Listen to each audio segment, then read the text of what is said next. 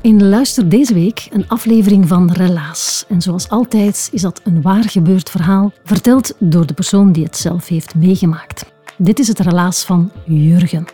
Een bloedeerlijk verhaal over kattenkwaad dat hij als kind heeft uitgestoken. Het begint als een Jommeke en Filiberke avontuur en het eindigt als, nou ja, luister maar, naar Jurgen. Hij vertelde het voor een live publiek in Huzet in Gent. Luister.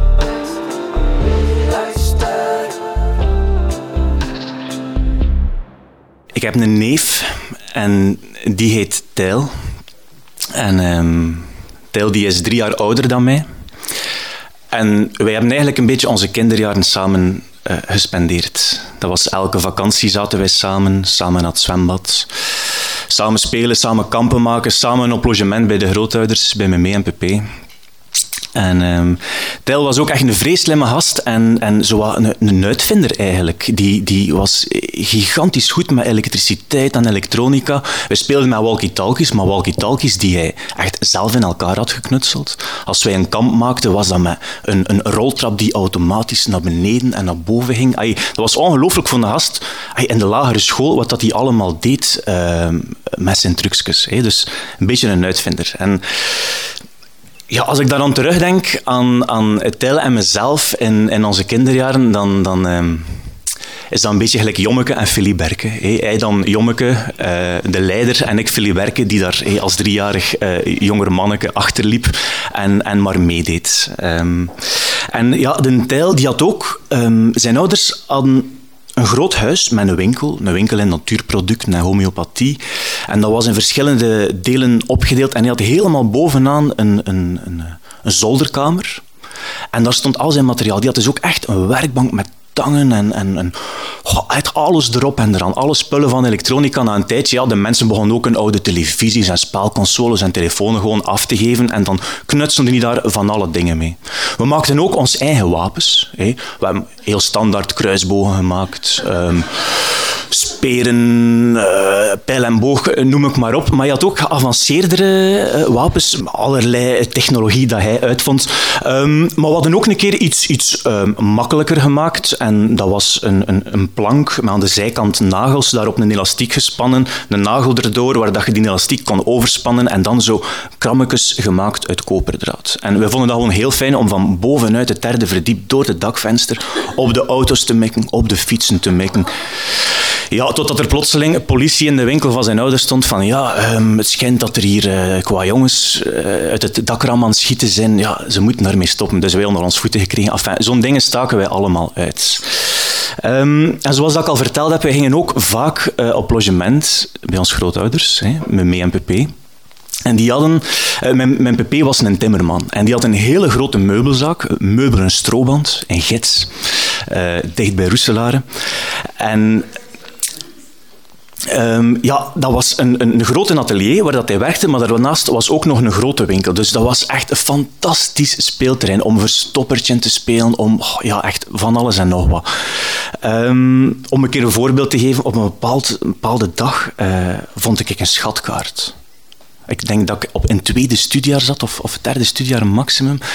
Um, helemaal in de ban van die schatkaart dat leidde dan weer naar een andere locatie en, en ik was er volledig in mee.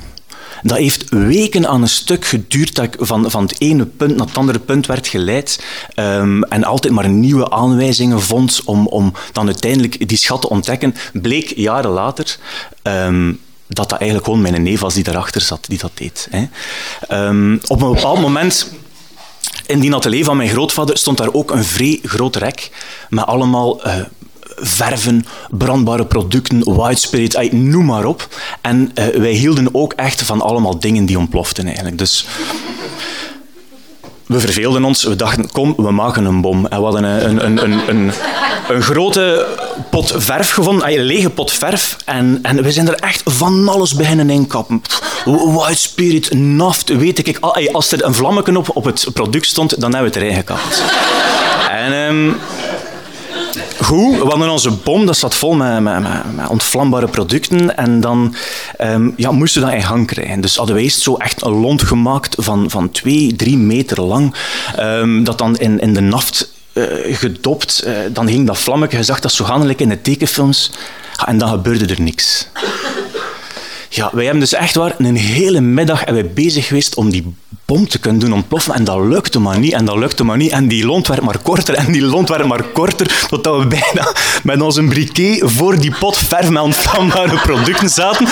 En op een of andere manier zijn we dat ook op allemaal verschillende locaties gaan uitproberen. Uh, in de wei, in een boom dat vastzetten. Op een bepaald moment waren we in de tuin van de buren. Waarom? Ik weet het echt niet meer. Maar wij, wij zaten dus tussen de kippen van de buren, in een hoekje achteraan in een tuin. En op een bepaald moment Bam, jongen, dat ontplofte echt. Daar kwam een steekvlam uit. Ik, ik denk dat ik niet overdrijf als dat een steekvlam van zes meter was. Die nof schoot in de fik. Ja, ik manneke van tweede, derde studiejaar, mijn neef drie jaar ouder. Ik was mega in paniek. Kom, tel, kom, kom, kom. We moeten dat, we moeten aan me mee gaan zeggen. Ja, nee, Jurgen, rustig zijn. Kom, we gaan dat uitstampen. We gaan dat staan uitstampen, dat vuur. En we hebben dat gewoon volledig uitgekregen. Dus het is geen probleem. Maar we waren echt zwart geblakerd. Echt, of dat uit een explosie komt. Kom bij mij mee binnen. Oeh. Maar wat is er gebeurd met jullie? Ah, uh, uh, ja, we, we, zijn uit een boom gevallen. Ah ja, ah ja. Die geloofde dan. Enfin, om, om, om maar een beetje te schetsen, de avonturen die we beleefden samen met elkaar, dat was zo'n beetje de sfeer waarin dat we zijn opgegroeid. En elke vakantie was er wel iets. En er was een vakantie dat mijn neef tot bij mij kwam. in Torhout. Ik woonde zo in een, een gewone normale woonwijk, je kent dat wel. En ik was aan het spelen met mijn buurjongen, de Dennis eh, noemde die gast, was een jaartje ouder. En mijn neef had weer knutselideeën in zijn hoofd en eh, hij zegt van ja, ik weet hier ergens een, een autokerkhof zijn. En jullie hoesting om met mij mee te gaan en we gaan naar de autokerkhof en we gaan er allerlei onderdelen gaan halen uit die auto's. Oh, ja, dat zagen we natuurlijk keihard zitten. Dus wij op ons fietsje naar het industriepark van Torhout um, op een zaterdag. En we komen aan um, aan dat bedrijf, een autokerkhof. Het was geen autokerkhof, het was eigenlijk een autoafbraakcentrum. En um, dat is wel echt een belangrijk verschil. Maar dat hadden wij op dat moment niet door. Dus in mijn hoofd was ja, een, een, een autokerkhof... Ja, alle auto's die worden er gewoon in kleine eh, blikken eh, stukjes samengedrukt en dan, dan doen ze daar iets mee. Dus ja, je hebt daarvoor niks niet meer nodig. Goed, we komen daaraan. Dat bedrijf is toe. Ehm, dus ja, wij waren een beetje teleurgesteld. We staan er zo'n beetje rond te draaien. Wat gaan we nu doen? Maar zo achter de hoek van dat bedrijf gingen wij een keer kijken en daar stonden drie uh, wrakken. Eén echt gewoon heel oude auto. Eén uh, auto die zo voor de helft was uitgebrand en dan een auto die een heel zware botsing had gehad, compleet per totaal was. Dus ja, mijn neef dacht van... Waarschijnlijk zitten daar wel nog wat, wat bruikbare spullen in. die was op zoek naar relais en lichtjes en schakelaars. Ja, alles dat hij maar kon halen uit die auto. Um, en wij begonnen zo heel voorzichtig te prutsen, zo proberen zo die, die, die, die, die koplamp, zo, zo dat glasje die voor, de lamp van uw auto zit, om dat eruit te halen, maar je krijgt dat daar niet uit. Dan proberen die koffer van die, van die uh, per totale auto open te krijgen, dat ging ook niet. Dus ja, wij pijzen, hoe gaan we dat doen? Ja, oké, okay, had wel hulpstukken gaan zoeken, hè. Um, vonden wij daar een heel grote, zware ijzeren staaf. Zo beginnen prammen uh, aan, aan, aan die kapot, om die kapot open te krijgen. Dat lukte dan maar niet. Ja, oké, dan gaan we voor die lampjes gaan. Um, ja, we kregen die, die, die glazen daar niet van, dus zijn we al die lampen beginnen kapot eh, slaan. Hè, um, om zo die lampjes daaruit te trekken. Ja, en toen hadden we de smaak te pakken natuurlijk. Hè. Dan zijn we daar met die ijzeren staven zijn we beginnen rammen op al die wrakken. dat was geestig. Die vooruit kapot, die achteruit kapot, die lampen kapot. Beginnen prammen aan, aan die kapot, aan die koffer. Plotseling hadden we dan uh, een brandblusser gevonden. Hebben we die gewoon helemaal leeggespoten. Dat was tof, ja, maar we dachten ook met die auto's, daar gebeurt niks niet mee. Dat kan echt waar, ik zweer het u, op mijn moeder. Wij dachten, dat kan geen kwaad, niks mee aan de hand. Dus ja, uiteindelijk hadden we toch wel een redelijke buit, uh, wat materiaal uit die auto kunnen halen. Wij waren heel blij, we ons geamuseerd. Um, en wij terug naar huis. Voilà. Dat was het. En um, een paar dagen later was mijn neef weer bij mij. Hij zegt, ja Jurgen, gaan we anders nog een keer uh, terug naar dat, naar dat autoafbraakcentrum? Ik zeg, oh ja, dat was vrede max, kom, we zijn weg. Um, en willen weg, hè. En dat was op, op een maandag. En dat bedrijf was open. Eigenlijk, ja, ik weet niet. zonder echt iets te beseffen. Zo. Wij lopen gewoon dat bedrijf al fluitend binnen. Het waren daar mensen aan het werken, aan die wrakken. We lopen heel dat bedrijf door. Dat lag er echt vol met wrakken op elkaar. Dat was een paradijs. Ongelooflijk. Dus ja, we beginnen daar weer wat te, prullen aan die auto's. Lampjes uittrekken, relais uittrekken. Um, en omgekeerd komt daar zo'n man, een heel vriendelijke man, eh, bij ons staan. Ah, jongens, en uh, wat doen jullie hier? Ah ja, we zijn op zoek naar onderdelen voor dit en voor dat. Ja, ik weet al niet meer voor wat. Dat was mijn neef die van alles in elkaar stak. Um, ah, ja, ja, ja, ja, zegt hij. Ah, kom een keer mee met mij, kom een keer mee. En wij heel braaf met die mensen mee, uh, gingen ze in bureau binnen, wij in een bureau. Ah, en, en wie zijn jullie? Hoe noemde je? Ja, Jurgen en, en Tel. En, uh, en waar wonen jullie? Ah ja, en, uw adres en, en nummer? Ja, en uw telefoonnummer? En, en uw ouders, hoe noemen uw ouders? En wij dat gewoon, heel naïef, dat gewoon verteld. Wij, geen vuiltje aan de lucht.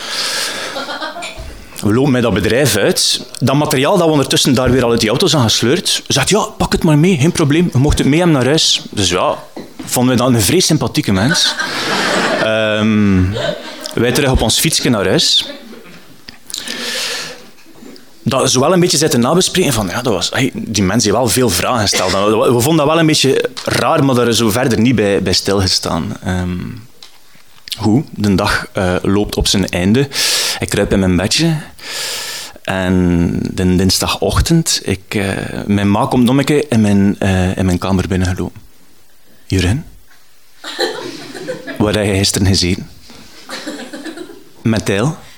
Ik zei, ja, en, en, en op een autokerkhof. Uh, ja, tante Nele, dat is dus de, de, de mama van Tijl. Tante Nele belde juist dat er flikken aan haar deur staan met een huiszoekingsbevel. En ze zijn daar, en ze zijn daar heel de zolder om aan het keren op zoek naar gestolen goederen van op dat autokerkhof.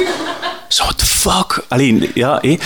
Um, helemaal dat, dat totaal niet verstaan, helemaal in, in, paniek. Ja, mijn ma was echt een beetje over haar toeren. Um, ja, niet goed weten wat er gebeurt. En dan plotseling, ja, diezelfde voormiddag kregen wij telefoon van de flikken eh, dat ik naar hun bureau moest gaan.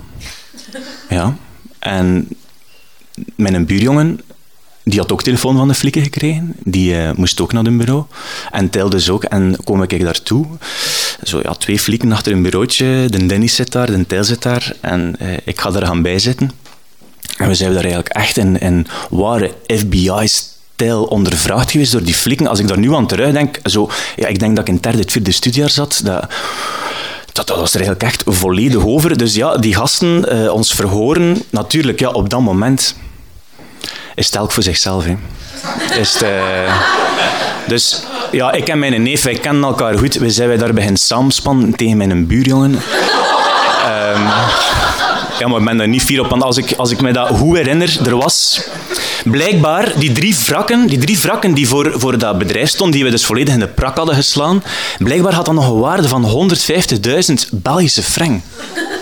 Ja, als je, als je denkt in die tijd, het, ik denk het gemiddeld maandloos was toen rond de 40.000 frank of zo, dus dat was echt een behoorlijk bedrag. Zeker voor zo'n manneken uit de lagere school. Dus fuck, helemaal paniek. Die vertellen ons dat. Dat, is, dat, ja, dat gaat nog een beetje geld kosten. Dus ja, wij hebben eigenlijk zoveel mogelijk dat in die schoenen van onze buurjongen gestoken. Um, goed, ja, de ene verklaring na de andere, echt een valse verklaring afgelegd. En dan we zijn in die week zijn wij, denk ik, vier keer terug naar het bureau van de flikken moeten gaan. En je maar liegen en liegen. En die heeft dat gedaan en die heeft dat gedaan. Uiteindelijk, ja, hebben ik en mijn neef hebben dan zowel eigenlijk, ja, een plannetje uitgewerkt van kom, we gaan, we gaan dat verhaal hier zo, zo houden, hey, dat wij het minst hebben gedaan, zodanig dat we niet te veel schade moeten betalen. En dat is dan uiteindelijk zo, zo uitgedraaid dat wij met ons twee de helft van dat bedrag hebben betaald, maar dan die jongen helemaal alleen de andere helft van dat bedrag. Um, ja, die, die mama heeft een tijdje niet meer tegen mijn ouders gesproken, dat kan ik u wel zeggen. Tussen mij en die buurjongen is het wel, is het wel nog goed gekomen, maar als ik daar nu aan terugdenk, ja, dat was eigenlijk een alleenstaande moeder. Um, met haar zoon. Um, ja, dat was eigenlijk een beetje het verhaal dat ik wilde vertellen en ik dacht, misschien is dit wel een, een gelegenheid om, om een keer publiekelijk um, mijn spijt te betuigen wat ik toen die jongen heb aangedaan dat ik echt een heel lelijk kantje van mezelf heb laten zien. Ehm, Dennis, het spijt mij.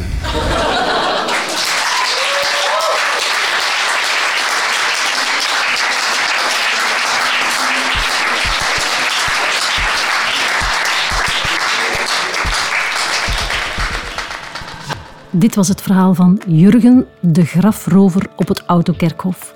Jurgen kreeg achter de schermen de hulp van de enthousiaste ploeg vrijwilligers van Relaas. Benieuwd naar meer Nederlandstalige verhalende podcasts? Ga dan naar luister.be. Luister.